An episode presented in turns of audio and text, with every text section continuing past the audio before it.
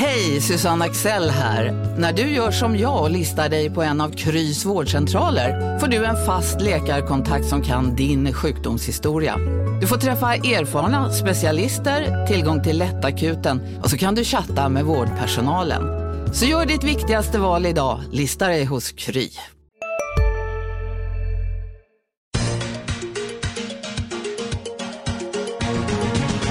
Hej och välkomna till Makrorådet. Podden där vi dryftar de stora ekonomiska spörsmålen. Jag heter Viktor Munkhammar. Med mig i studion idag har jag Anna Breman, analytiker på Swedbank och Per Magnusson, chefsanalytiker för Skandinavien på Royal Bank of Scotland. Välkomna hit ska ni vara. Tack. Tack. Ja, eh, det finns som vanligt en massa att prata om. Vi ska prata om hur den globala ekonomin egentligen mår. Är den icke-favorit i repris på de senaste åren? Eh, och eh, vi ska prata lite om vad man ska hålla ögonen på i sommar för att hålla sig flytande. Men vi börjar med ett kärt ämne i makrorådet, nämligen Grekland. Ännu en gång är det en deadline, den här gången 5 juni när saker och ting måste ske. En annan deadline är sista maj då Hollande och Merkel har sagt att till dess måste det finnas en lösning på plats. Men det här har vi ju hört, ja, inte tusen gånger förut förlåt, men, men det känns ju igen minst sagt Anna. Vad, vad ska man tro, är det skarpt läge nu till slut? Eller blir det ännu en gång när ja, men det visar sig att det visst fanns lite pengar att betala IMF med den här gången också? Men det är ju ett skarpt läge. Det är många betalningar nu i juni som de ska göra. Det är 5 juni, det är 12 juni, 16 juni och 19 juni. Och eh, det, det faktum är ju att eh, pengarna håller verkligen på att ta slut. Sen kanske de ändå löser det på något sätt i sista sekunden. Men en intressant fråga nu det är om de kommer default, alltså det kanske inte blir en grexit att de lämnar eurosamarbetet, men de defaultar inom eurosamarbetet. Och defaulta betyder? Att de, inte, att de ställer in betalning, att de inte betalar tillbaka de här lånen. Och då vet vi inte vad som händer när på finansiella marknader i ett sådant scenario. Och det scenariot är ju nära. Nära? Per, vad är din bedömning? Är det, liksom, är det nu det gäller eller har vi en, en eh, period av... juni gäller. Om det sen just den 5 juni är det inte. För det finns vissa teknikaliteter som innebär att man dels ska kunna skjuta upp den här betalningen och även om man inte betalar just den 5 juni så har man 30 dagar på sig innan man hamnar i sån här eh, formell betalningsinställelse. Men juni är absolut eh, en, en deadline-månad och det avgörandet för huruvida det kommer bli en Grexit det tror jag ligger i om de inte betalar IMF och faktiskt gör en inställelse, då är det så här att IMF har högsta prioritet bland alla fordringsägare. Om de försätter dem i konkurs, ja då är de per definition i konkurs på alla skuld, andra skuldpapper. Och då kan inte ECB längre låna ut pengar till de grekiska bankerna.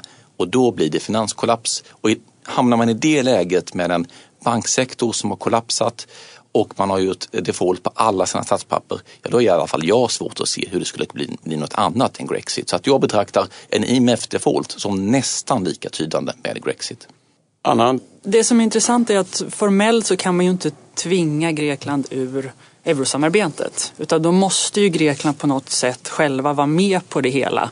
Sen är frågan vilka påtryckningsmedel de skulle kunna ha och såklart en, en default som vi pratar om skulle ju verkligen vara ett påtryckningsmedel för resten av Europa. Men det mest sannolika är ju som tidigare att man faktiskt kommer upp med någon form av lösning nu i juni i alla fall. För man har ju varit här många gånger förut. Men det är väldigt, väldigt ont om pengar i Grekland. Ja, den, den senaste betalningen till IMF, då, mm. kom ni på det, då hade ju faktiskt premiärministern skrivit ett brev och förklarat att vi kommer antagligen inte kunna betala. Mm. Eh, men sen kan man väl kanske tänka sig att inifrån IMF att de kom på lösningen men ni har ju faktiskt reserver här hos oss. Ni kan ta av dem. Så att de tog liksom av sina reserver hos IMF för att betala IMF. Det tolkar i alla fall jag som ett tecken på att nu börjar det liksom skramla ordentligt tomt. Ja, det är väldigt, väldigt tomt i statskassan och det är väldigt osäkert om de på något sätt kan få ihop de här pengarna utan att få ett nytt stödprogram. Så de behöver ett nytt stödprogram. Men förhandlingarna går väldigt dåligt enligt ja. det vi hör. V väldigt kort bara, hur ser finansmarknaden på det här? Det finns ju, jag menar även på finansmarknaden är det ju människor, även om det inte alltid framställs så. Alltså att man, en viss tröttnad, trötthet kanske man säger, på att liksom det här kommer upp igen och ropa varg och så vidare. Och, och, och liksom att, blir det till slut att man inte orkar liksom ta i den här frågan även om den ju har liksom väldigt stora implikationer ifall det går snett? Eh, jag tror absolut att man kan se den typen av beteende på marknaden. Att eh, intressant nog så är ju, för mig, jag har känslan av att oron för en Grexit är mindre nu än vad den har varit tidigare. Trots att risken för en Grexit är mycket större nu. Eh, och jag vet inte om det är för att det är en rationell bedömning av att eh, en Grexit inte skulle leda till så stora konsekvenser utan jag tror snarare faktiskt att det ligger mycket i det du säger. Att folk är trötta på att höra det här om och om igen och man kan inte hålla fokus på en sån här gigantisk risk så länge. Eh, så att jag tror att, att riskerna eller konsekvenserna av Grexit kan ta marknaden på sängen lite. Okej, okay. jag har sagt det förut, vi får säkert återkomma till det här ämnet. Eh, och det gäller väl även nu.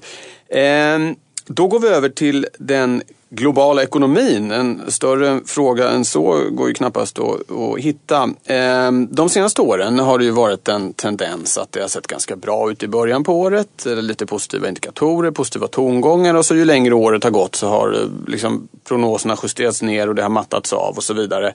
Ehm, är vi på väg att få ett liknande mönster i år. Det var ett väldigt svagt första kvartal i USA men det kunde man liksom säga det handlade om väder och strejker och lite annat. Eh, men det som har kommit, de färskaste signalerna är inte jättestarka, inte jättesvaga heller. I EMU var det också en väldigt bra start och sen har det liksom mjuknat lite om man tittar exempelvis på såna här så kallade överraskningsindex och, och sådär. Vad, vad bedömer du? Hur, Anna, vad, hur ser du på det här? Det fascinerande är att vi är så optimistiska givet att, vi hela tiden, att det hela tiden har blivit revisioner neråt när det gäller prognoserna de senaste åren. Och det, just om man tittar på USA så är det intressanta nu att amerikanska konsumenter inte riktigt kommer igång och spendera trots att de har fått det här stora oljeprisfallet vilket i praktiken är som en skattelättnad för många amerikanska hushåll. Utan man har sparat ganska mycket av de pengarna. Så du har fått negativa effekter på amerikansk ekonomi från lägre investeringar inom oljesektorn, färre sysselsatta där.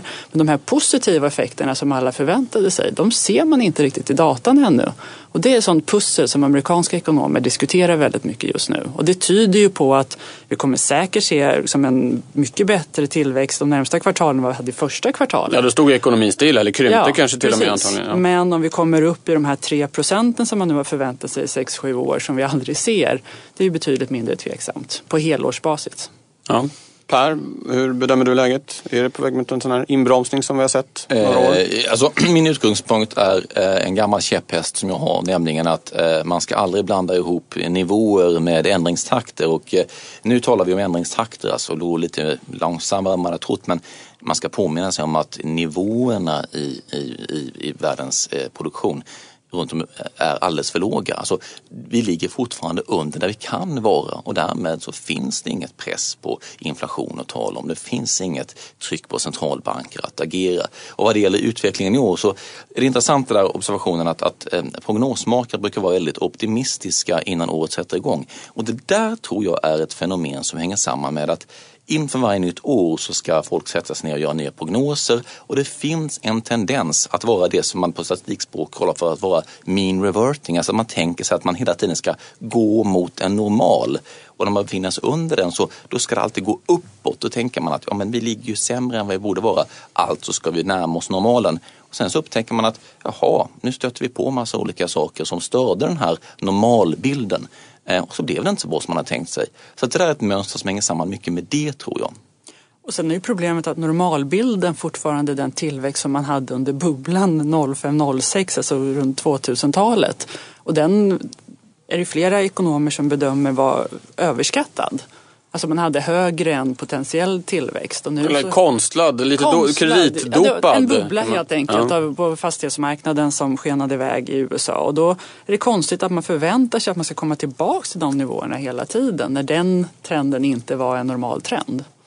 Sikta på fel mål ja. helt enkelt. Ja. Så det, finns, det finns goda förutsättningar men att man skulle få någon jätteskjuts i tillväxten är goda förutsättningar men en jättetillväxt är lite för överoptimistiskt. Okej. Okay. idag eh, kom det en färsk barometer för Sverige som visade på lite större optimism i näringslivet i, i maj än i april. Framförallt tillverkningsindustrin som där synen sjönk drastiskt i april, steg i maj och det är förstås lite månadsfluktuationer i det här. Men hur, hur, tolkar, du, hur tolkar du barometern från Konjunkturinstitutet? Tolkar det som att vi ser en ganska god fart i svensk ekonomi just nu. Eh, mycket hjälpt av de låga räntorna från Riksbanken. Hushållen framför allt är det som drar. Det som har varit konstigt är ju att tillverkningsindustrin och exporten inte har kommit igång mera givet att vi ändå haft en kronförsvagning under ett bra tag nu. Så det vi ser i barometern är ändå lite tendenser till att vi kanske får lite bättre förutsättningar för exportindustrin. Och får du både hushållen och exportindustrin som eh, går framåt då kan du se riktigt goda tillväxttal i Sverige. Och det är det som vi, som vi ändå ser nu, det är positivt. Per?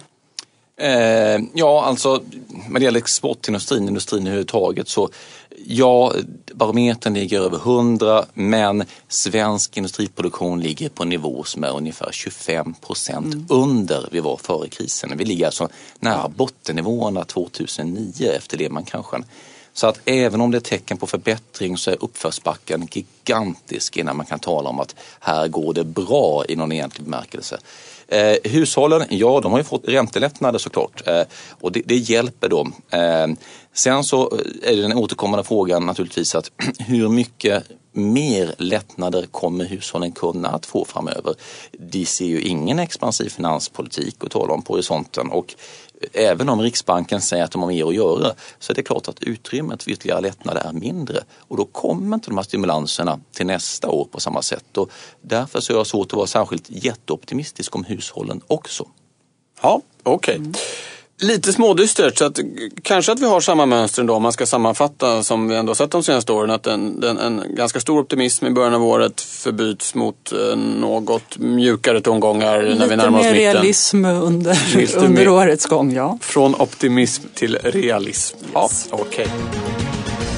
Det här är faktiskt det sista makrorådet för vårterminen som vanligt ser det ut att bli en spännande sommar, inte minst med Grekland som vi har pratat om förut. Eh, vad tycker ni att man som ja, småsparare, medborgare, lyssnare, vad man nu vill, eh, vilken hatt man nu vill sätta på sig, ska hålla ögonen på här framöver? Vad, vad är liksom de riktiga, vilka är grynnorna och vilka är kanske eh, möjligheterna? Om du börjar Anna vi måste hålla koll på Riksbanken. Vi måste hålla koll på vad som händer med kronan.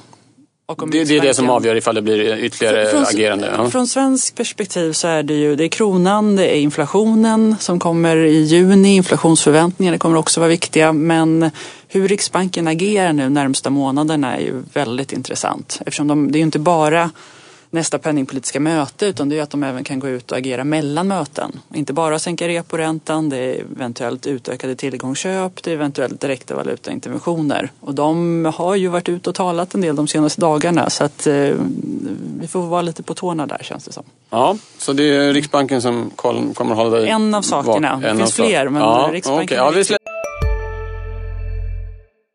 vi är specialister på det vi gör, precis som du. Därför försäkrar vi på Swedea bara småföretag, som ditt. För oss är små företag alltid större än stora och vår företagsförsäkring anpassar sig helt efter firmans förutsättningar. Gå in på swedea.se företag och jämför själv. Hej, Synoptik här. Hos oss får du hjälp med att ta hand om din ögonhälsa. Med vår synundersökning kan vi upptäcka både synförändringar och tecken på vanliga ögonsjukdomar. Boka tid på synoptik.se.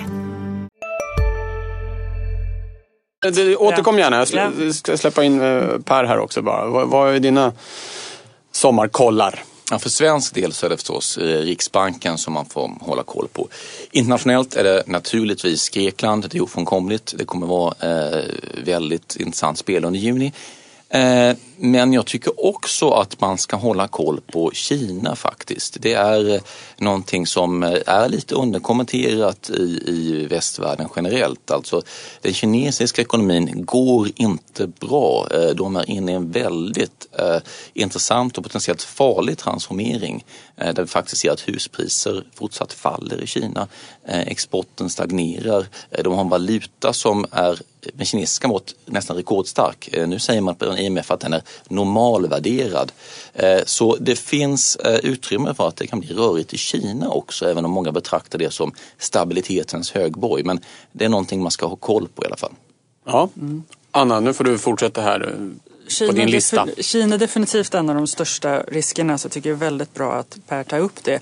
Jag tycker även vi ska ha lite koll på USA. Nu har vi precis pratat om att vi kanske har överskattat prognoserna och sådär men det finns ju en möjlighet att de faktiskt höjer en första gång under sommaren. Det är inte troligt eh, men det finns ett antal hökare i direktionen som gärna vill se en första räntehöjning snart.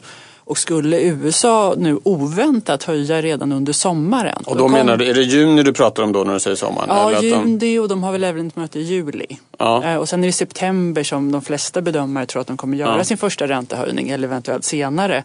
Men om, eh, säg att du skulle få jättestark arbetsmarknadsstatistik under några månader nu och de går ut redan i juli och höjer räntan. Då skulle det ha väldigt stora eh, åverkningar på de finansiella marknaderna. Även påverka tillväxtmarknader väldigt mycket. Jag tror inte det är ett väldigt troligt scenario men vi behöver ändå ha koll på det. Ja, okej okay, så Riksbanken, Fed, Kina, Grekland. Och så ja. tillkommer förstås alla liksom unknown unknowns eller vad Ramsfeldt nu sa en gång i tiden. Nu går vi över till del två, min favoritdel i det här programmet. Eh, spaningen, där ni har eh, funderat lite på eh, hemmaplan och eh, kommit med briljanta insikter, brukar det vara.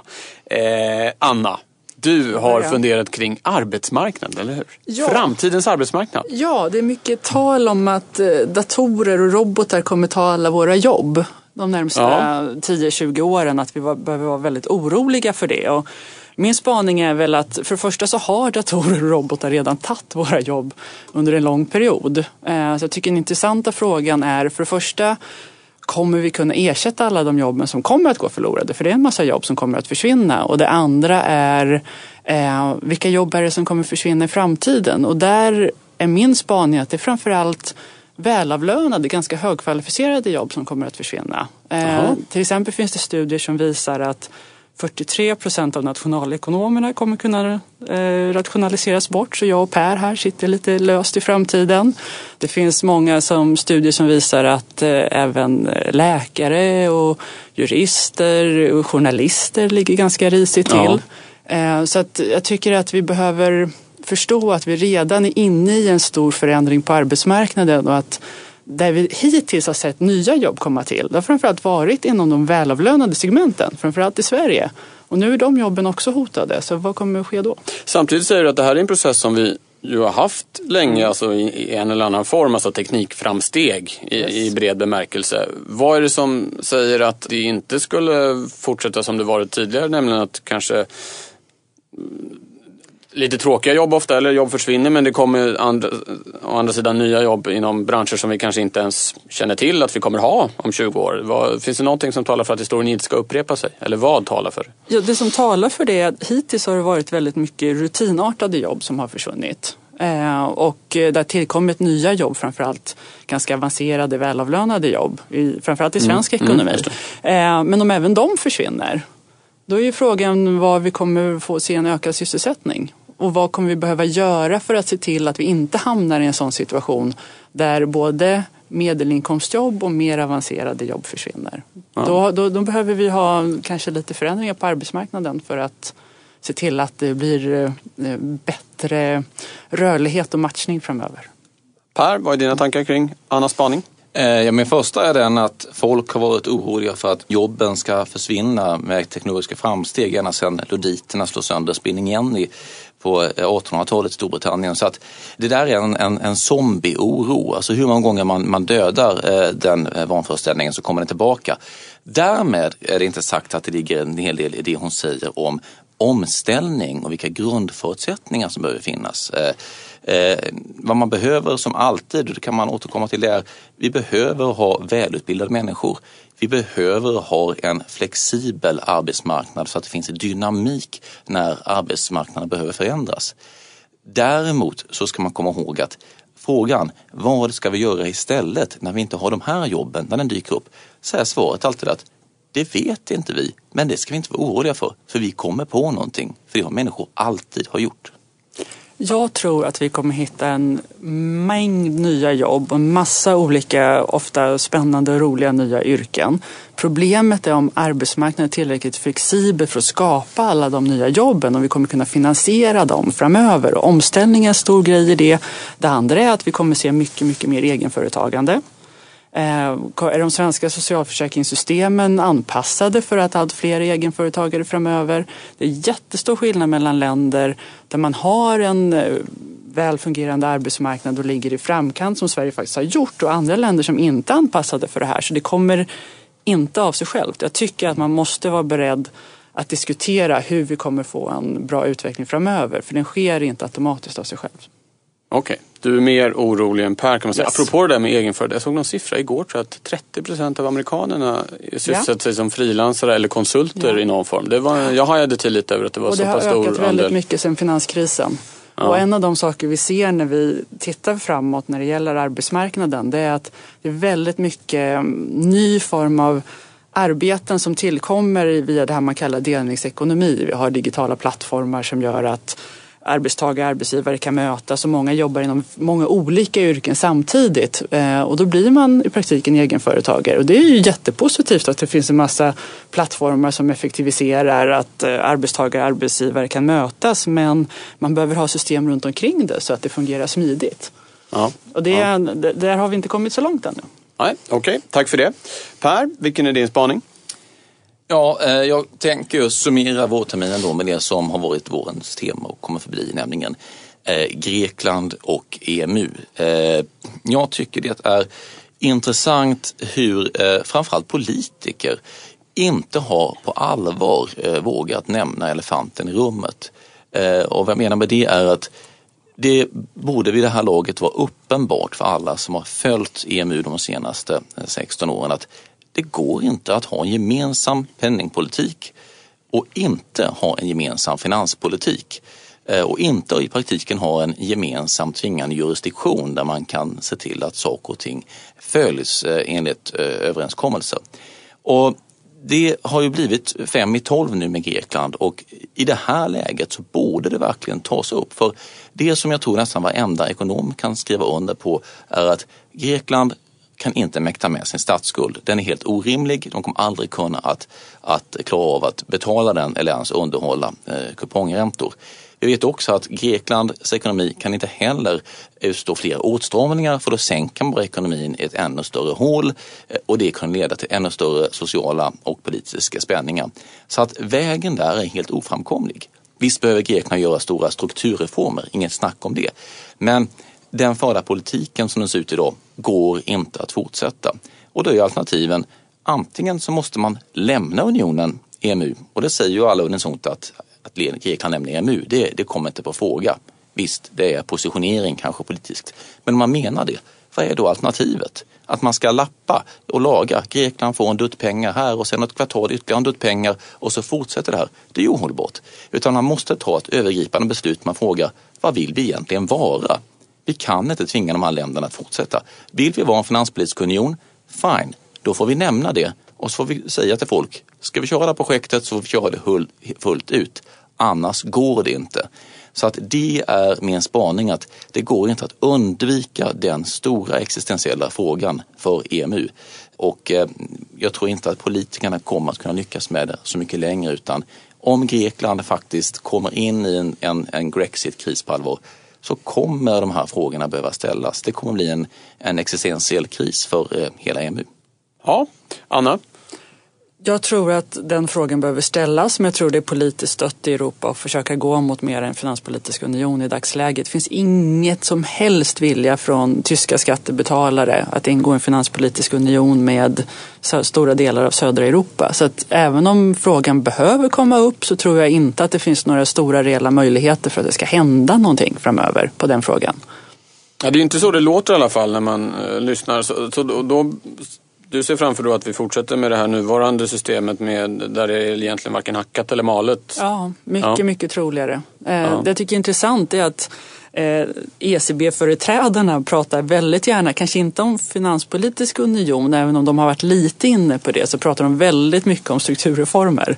Draghi höll ju tal här förra veckan. Där han gjorde han, en poäng av att han alltid brukar prata om strukturreformer. Att han alltid pratar om det och han pratar och ECB pratar om det i 30 procent av sina tal och Fed pratar bara om det i 2 procent av sina tal. Tog ja. han, upp. han har till och med gjort en liten eh, ordräkning på det där. Eh, men det är ju deras sätt att säga att om man inte gör strukturreformer så kommer det inte hålla och vi kommer inte få någon större tillväxt på sikt. Så det är en lite indirekt sätt att prata om det här för att de strukturreformer de vill se är ju det som behövs för att det ska bli mer samma typ av struktur på ekonomierna mellan länderna inom euroområdet. Ja, Okej. Okay. Per, en sista eh, kommentar?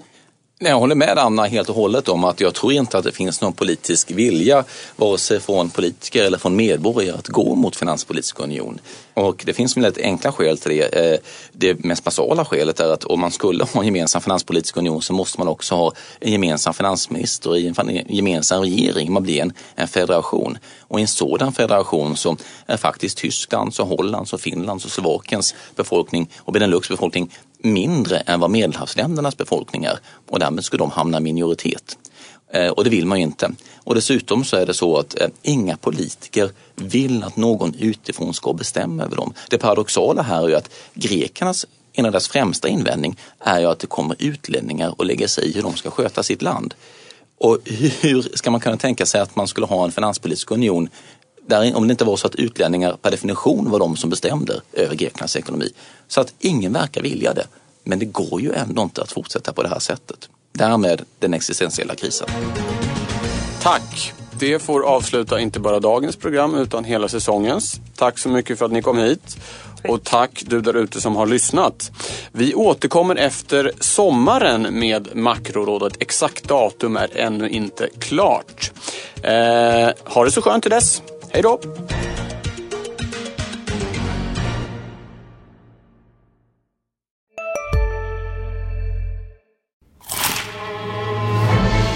Upptäck det vackra ljudet av McCrispy Company för endast 89 kronor. En riktigt krispig upplevelse. För ett ännu godare McDonalds. En nyhet. Nu kan du teckna livförsäkring hos Trygg-Hansa.